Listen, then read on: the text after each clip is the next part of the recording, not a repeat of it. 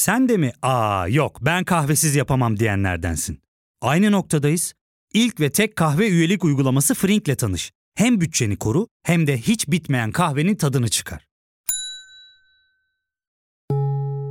Yakınlarından terapinin onlara ne kadar iyi geldiğini dinlesen de kendin için bir şeylere başlamak zor geliyor olabilir. Ya da sevdiklerine yardım etmeye istekliyken kendi ihtiyaçlarını görebilmek. Hayvel, uzman psikologlarıyla kendi ihtiyaçlarını bulmanda sana destek olacak. Terapi yolculuğuna başlamak için detaylı bilgi bölümün açıklamalarında.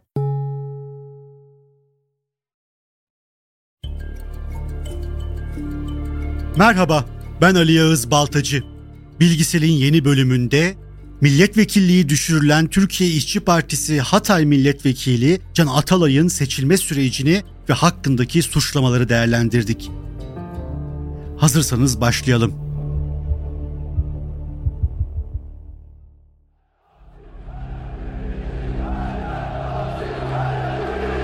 Türkiye Cumhuriyeti en sıcak Haziran'ını yaşıyordu.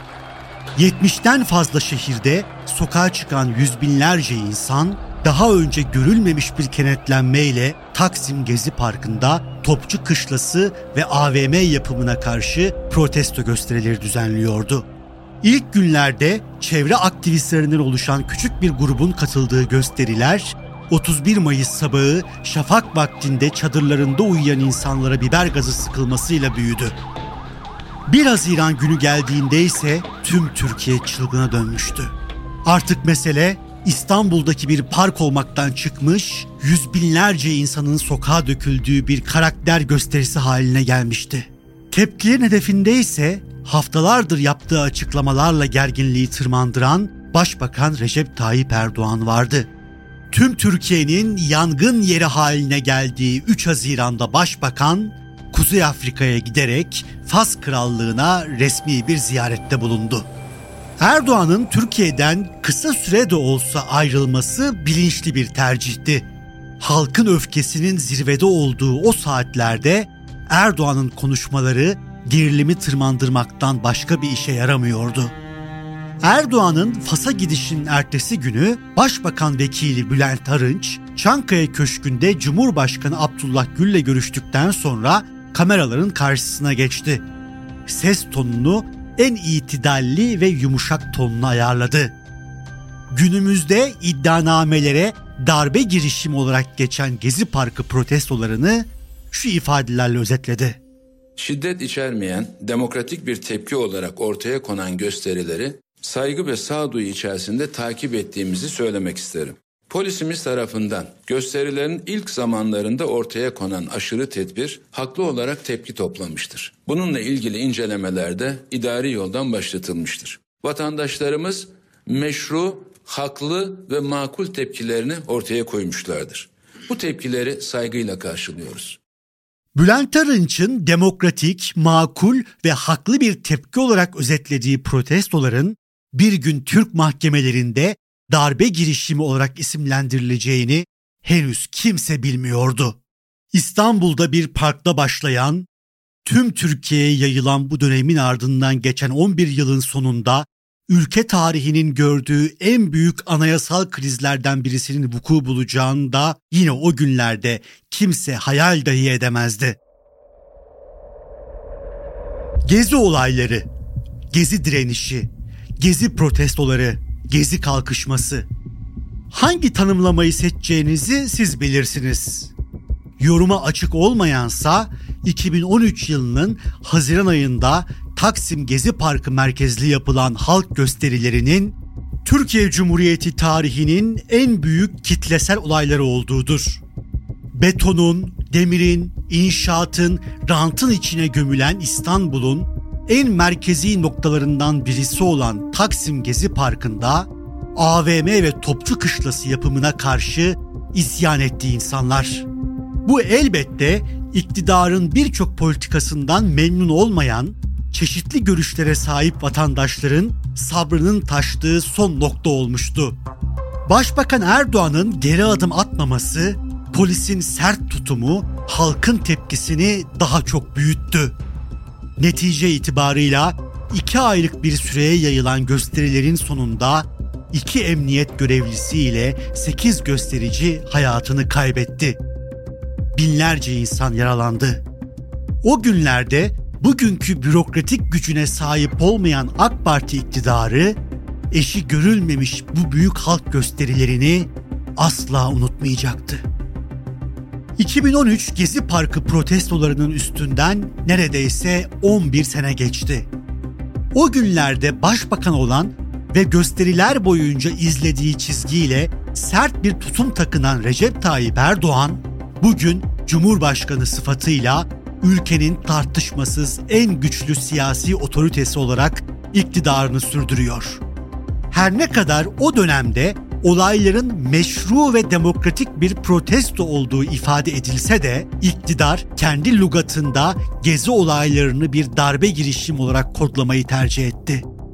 Başkanlık sistemine geçişin ardından gücünün zirvesine çıkan Erdoğansa o döneme ilişkin tepkilerini dile getirmeyi sürdürdü. Bunların görüşmelerini tabii ki yapacağız. Hatta hatta gerekirse hesaplaşmasını da yapacağız. 2013 gezi olaylarına ilişkin iktidarın yargı hamlesi olayların başlamasından 6 sene sonra 2019 yılında geldi. İstanbul Cumhuriyet Başsavcılığı tarafından hazırlanan 657 sayfalık iddianame 4 Mart 2019'da İstanbul 30. Ağır Ceza Mahkemesi tarafından kabul edildi. İddianame yaşananları hükümete karşı bir darbe girişim olarak değerlendiriyordu. Gezi olaylarının yurt dışında kurgulandığı, Türkiye'deki bazı aktivistler üzerinden organize edildiği ve uygulamaya sokulduğu savunuluyordu. İddianame sanık olaraksa gezi olaylarının en yoğun günlerinde ön planda olan ve protestolara destek veren bazı hukukçu, aktivist, dernek yöneticilerini seçmişti. Avukat Şerafettin Can Atalay da o sanıklardan biriydi. Bu memleketin suyu, taşı, toprağı çalınırken neredeydi? Avukat ve aktivist Can Atalay, Gezi olaylarının ilk günlerinden itibaren meydanlarda olan bir isimdi. Yaptığı konuşmalarla iktidarı eleştiriyor, Gezi Parkı'na ilişkin projelerin bir çevre katliamı ve rant planı olduğunu savunuyordu. Şunu bilin, zulme boyun eğmeyeceğiz. Zulme karşı direneceğiz. Şunu bilin, şunu bilin, şunu bilin. Hiçbir hukuka aykırı işleri kabul etmeyeceğiz. Gezi olayları sonrası halkın ortaya koyduğu tepkileri savunmaya devam etti. Gezi sürecinde göstericilere açılan davalarda sanıkların avukatlığını üstlendi.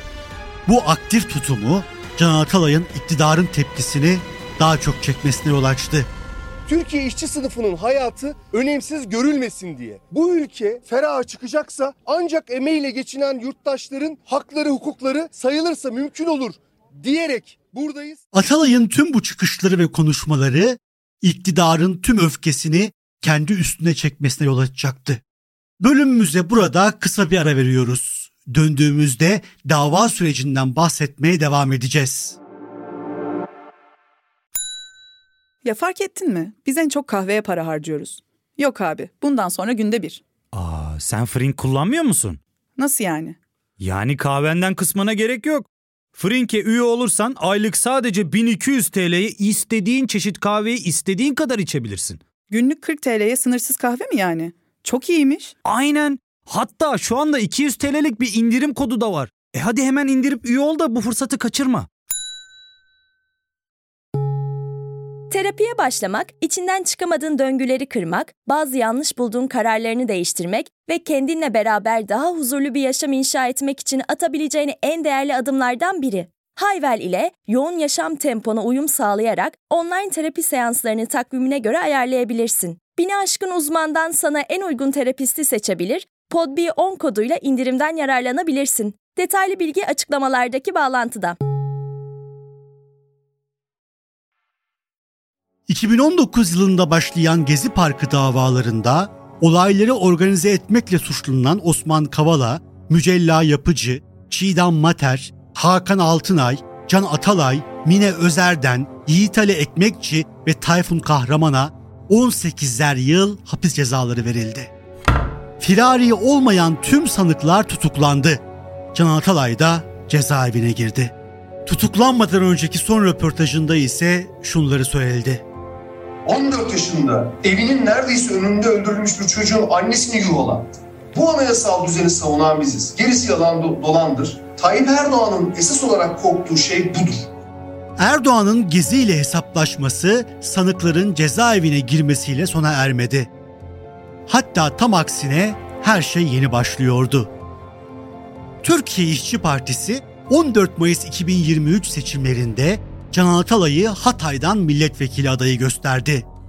Hatay'da Türkiye geneli oy ortalamasının çok üstüne çıkan tip, burada %8 oy alarak milletvekili kazanmayı başardı.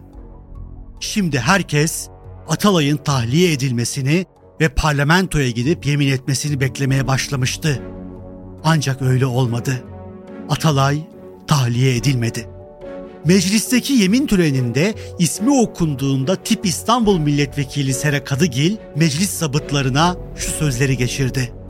Silivri'de esir durumda olduğu için şu anda yemin edemiyor. Şerafettin Can Atalay depremzede Hatay halkının oylarıyla milletvekili seçilmiş ancak tahliye edilmemişti.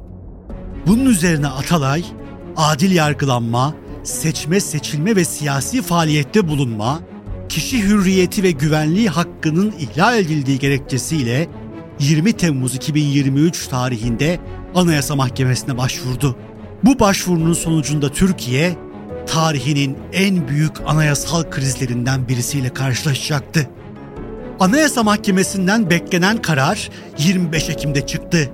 AYM, Can Atalay'ın hak ihlaline maruz kaldığına hükmetti.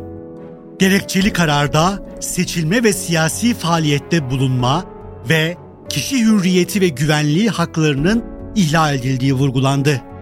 Bu andan itibaren herkes Atalay'ın tahliye edilmesine kesin gözüyle bakmaya başladı. Ancak yine olmadı. Anayasa Mahkemesi'nin hak ihlali kararını alt mahkeme tanımadı. Dosyayı Atalay'ın cezasını onayan Yargıtay'a gönderdi.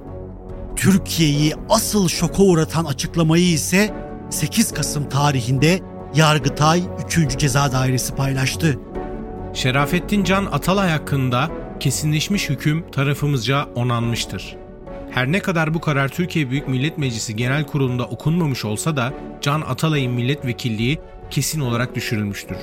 Anayasa Mahkemesi kesinleşmiş bir hükümden dolayı inceleme yaparak yetkisini aşmıştır. Can Atalay hakkında ihlal kararı veren Anayasa Mahkemesi üyeleri hakkında Yargıtay Cumhuriyet Başsavcılığına suç duyurusunda bulunulmasına karar verilmiştir. Bu inanılmaz bir olaydı. Türkiye Cumhuriyeti'nin en yüksek mahkemesi olan, kararları her kişiyi ve kurumu bağlayan Anayasa Mahkemesi bir başka yüksek mahkeme tarafından resmen suçlu sayılıyordu. Yargıtay ve Anayasa Mahkemesi birbirlerine girmişti. Üstelik Yargıtay yaptığı açıklamada siyaset kurumunu da hedef almış, hüküm cezasının onanmasına rağmen Atalay'ın vekilliğinin hala Türkiye Büyük Millet Meclisi'nde düşürülmemiş olmasını eleştirmişti. Yargının zirvesindeki bu çatışma siyasetin gündemine de bomba gibi düştü. Anayasa Mahkemesi 21 Aralık'ta konuyu tekrar gündemine alıp görüştü. Karar yine aynıydı. Atalay'ın derhal tahliye edilip milletvekilliği görevine başlaması ve yaşadığı mağduriyetten dolayı kendisine 100 bin TL tazminat ödenmesine karar verildi. Alt mahkeme kararı yine uygulamadı. Tekrar Yargıtay'a gönderdi. Yargıtay ise tutumunda bir değişiklik yapmadı. Tüm bunlar yaşanırken Türkiye İşçi Partisi eylemler yapmaya başladı. CHP Genel Başkanı Özgür Özel de yaşananları anayasal darbe girişimi olarak nitelendirdi. Karar meclise karşı darbe girişimidir. Anayasaya karşı darbe girişimidir ve karar Anayasa Mahkemesi'nin tüzel kişiliğine karşı darbe girişimidir. Görünen. CHP Genel Başkanı Özgür Özel de yaşananları anayasal darbe girişimi olarak değerlendirdi. Muhalefetin tüm tepkisine ve isyanına rağmen Can Atalay tahliye edilmedi. 30 Ocak 2024 tarihinde Atalay'ın milletvekilinin düşürülmesine yönelik Yargıtay kararı Türkiye Büyük Millet Meclisi Genel Kurulu'nda okundu. Genel kurulda olaylar çıktı. CHP Bartın Milletvekili Aysu Bankoğlu, Meclis Başkan Vekili Bekir Bozdağ'ın yüzüne anayasa kitapçığı fırlattı. Tip Genel Başkanı Erkan Baş çok sert bir konuşmayla iktidarı eleştirdi. Mafya da böyle yaparlar. Bazen suçlu olduklarını bildiklerini yanlarında tutarlar ve en pis işleri onlara yaptırırlar. Türkiye'de adaleti katleden Bekir Bozdağ yaptırırsın bunu ancak. Başkası çıkıp şunu savunamaz. Ama yapın, yapın, yapın. Vallahi yapın. Vekilliğimizi düşürseniz de size asla boyun eğmeyeceğiz. Hatay halkı size asla boyun eğmeyecek. Elinizden koymayın. Tüm bu konuşmaların sonunda Atalay'ın milletvekilliği düşürüldü. 2013 yılının bir Haziran günü ülkenin en büyük metropolünün merkezinde beton duvarların arasında kalmış birkaç ağacı iş makinalarından korumak için sokağa çıkan insanlar 2024 yılında darbeci olarak yazıldılar zabıtlara. Canlarını veren, gözlerini ve uzuvlarını kaybeden insanlar olduğu gibi bu sürecin sonunda özgürlüklerini de yitirenler oldu. Tıpkı Can Atalay gibi. 100. yılını doldurmuş bir hukuk devletinin kendi anayasasına açıktan direnç gösterdiğini gördü gözlerimiz. Gezi Parkı olaylarını iktidarın iddia ettiği gibi dış güçler ya da dış mihraklar mı kurguladı bilmiyoruz.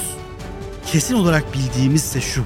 Türkiye'ye en çok zarar vermek isteyen yabancı güçler bile demokrasiye, ortak yaşama, ortak vatanımıza, siyaset kurumuna ve adalete daha büyük bir zarar veremezdi.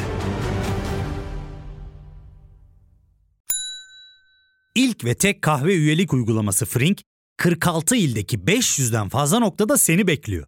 Açıklamadaki kodu girerek sana özel 200 TL'lik indirimden faydalanmayı unutma. Hadi sen de Frink üyeliğini başlat, kahven hiç bitmesin. Hem bugününe hem yarınına katacaklarıyla terapi yolculuğuna ve daha iyi hissetmeye bugün Hayvel ile başla. Açıklamadaki linkten Hayvel'i indir, ücretsiz tanışma görüşmelerinin ardından bütçene uygun seans paketini seç ve terapi yolculuğuna başla.